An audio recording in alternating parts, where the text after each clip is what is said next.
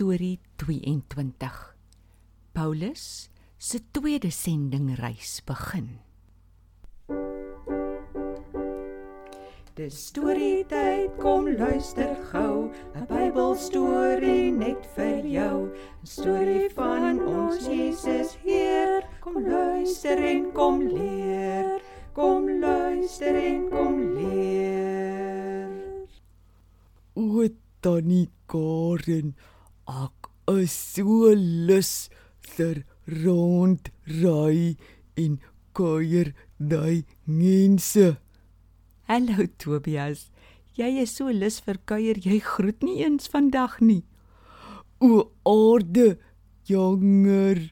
Hallo, gods. Julle, ek het so 'n kuier lus dat ek dink tannie moet vandag vir ons 'n storie van kuier vertel. Dan verdeel ons ons honger ons kuier song. Mats en Tobias, dan kan ek mos vandag begin vertel van Paulus se tweede sendingreis. o, lekker, lekker. Vertel, vertel.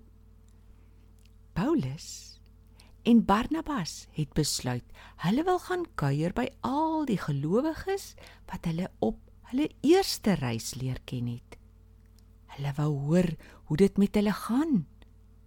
Toe hulle begin praat oor wie om saam te vat, verskil die twee manne so erg oor wie moet saam dat hulle toe elkeen hulle eie pad reis. Barnabas vat vir Johannes Markus saam en Paulus vir Silas. Die gemeente het vir hulle gebid dat die Here se genade oor hulle sal wees. En toe is hulle daar weg. Tannie, hulle het vir die ou gelowige vriende gaan kuier. Maar het hulle ook nuwe vriende gemaak soos hulle gereis het? Ja, hulle het ook nuwe vriende gemaak. In die stad Lystra het Paulus en Silas 'n jong man ontmoet. Sy naam was Timoteus. Timoteus was baie lief vir Jesus. Hy gaan toe ook saam met Paulus en Silas op hulle reis. Hulle het by baie van die ou vriende gekom en vir hulle moed ingepraat om in Jesus te bly glo. Daar het ook sommer nog en nog mense in Jesus begin glo. En die gemeente van gelowiges het nog groter geword. O, lekker. Maar tannie, hoe het hulle geweet daarheen om te reis?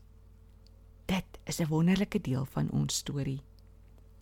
Ons lees in die Bybel dat Paulus hulle vir mense in een gebied van Jesus wou vertel, maar toe het die Heilige Gees hulle gekeer. En toe reis hulle deur ander dorpe wat hulle nie vooraf beplan het nie. 'n Bietjie later sê hulle vir mekaar: "Kom ons vat die pad na regs." Maar weer keer die Heilige Gees hulle en hulle moet die pad na links vat. Hoi, tannie, dis wonderlik. Ja, die Heilige Gees wil ons ook elke dag so lei. Maar om terug te kom by ons storie. Paulus hulle weet toe nie waarna toe moet hulle dan nou eintlik gaan nie. Maar sommer die volgende nag kry Paulus iets soos 'n baie helder droom. Hy droom toe van 'n man wat hom smeek. Kom oor na Macedonië en help ons.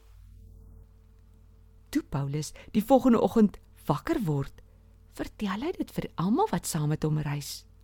Hulle is toe baie bly, want toe verstaan hulle hoekom die Heilige Gees hulle heeltyd gekeer het om regs te gaan.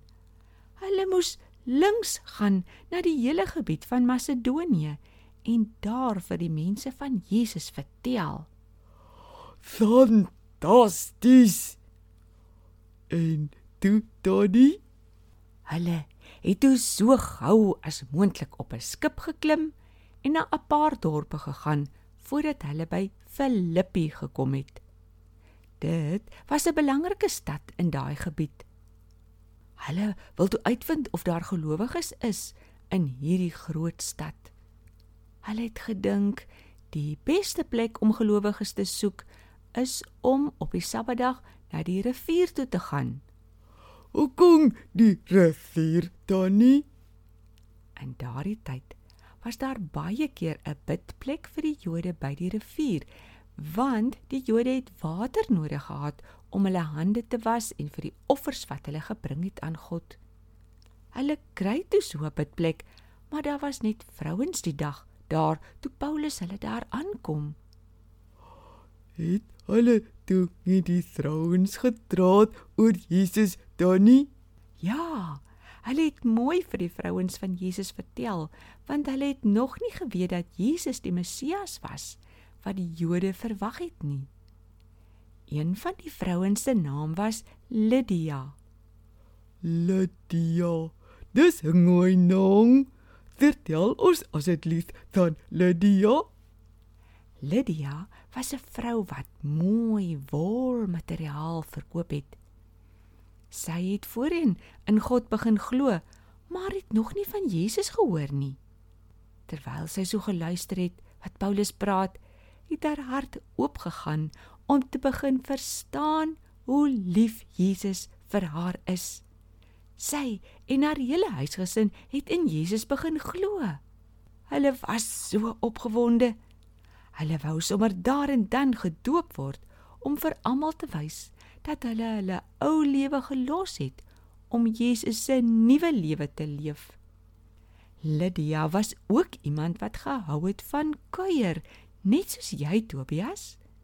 Sy het vir Paulus hulle gevra om asseblief in haar huis te kom oorbly vir die hele tyd wat hulle in Filippi gebly het om die gemeente van Jesus te leer. En toe kuier hulle elke aand lekker en gesels oor Jesus. Dis fantasties wonderlik Tony. As Paulus se tweede sendingreis toe klaar. Nee, dit was nog lank nie klaar nie. Ek sal julle volgende keer vertel van 'n groot ding wat gebeur het daar in Filippi.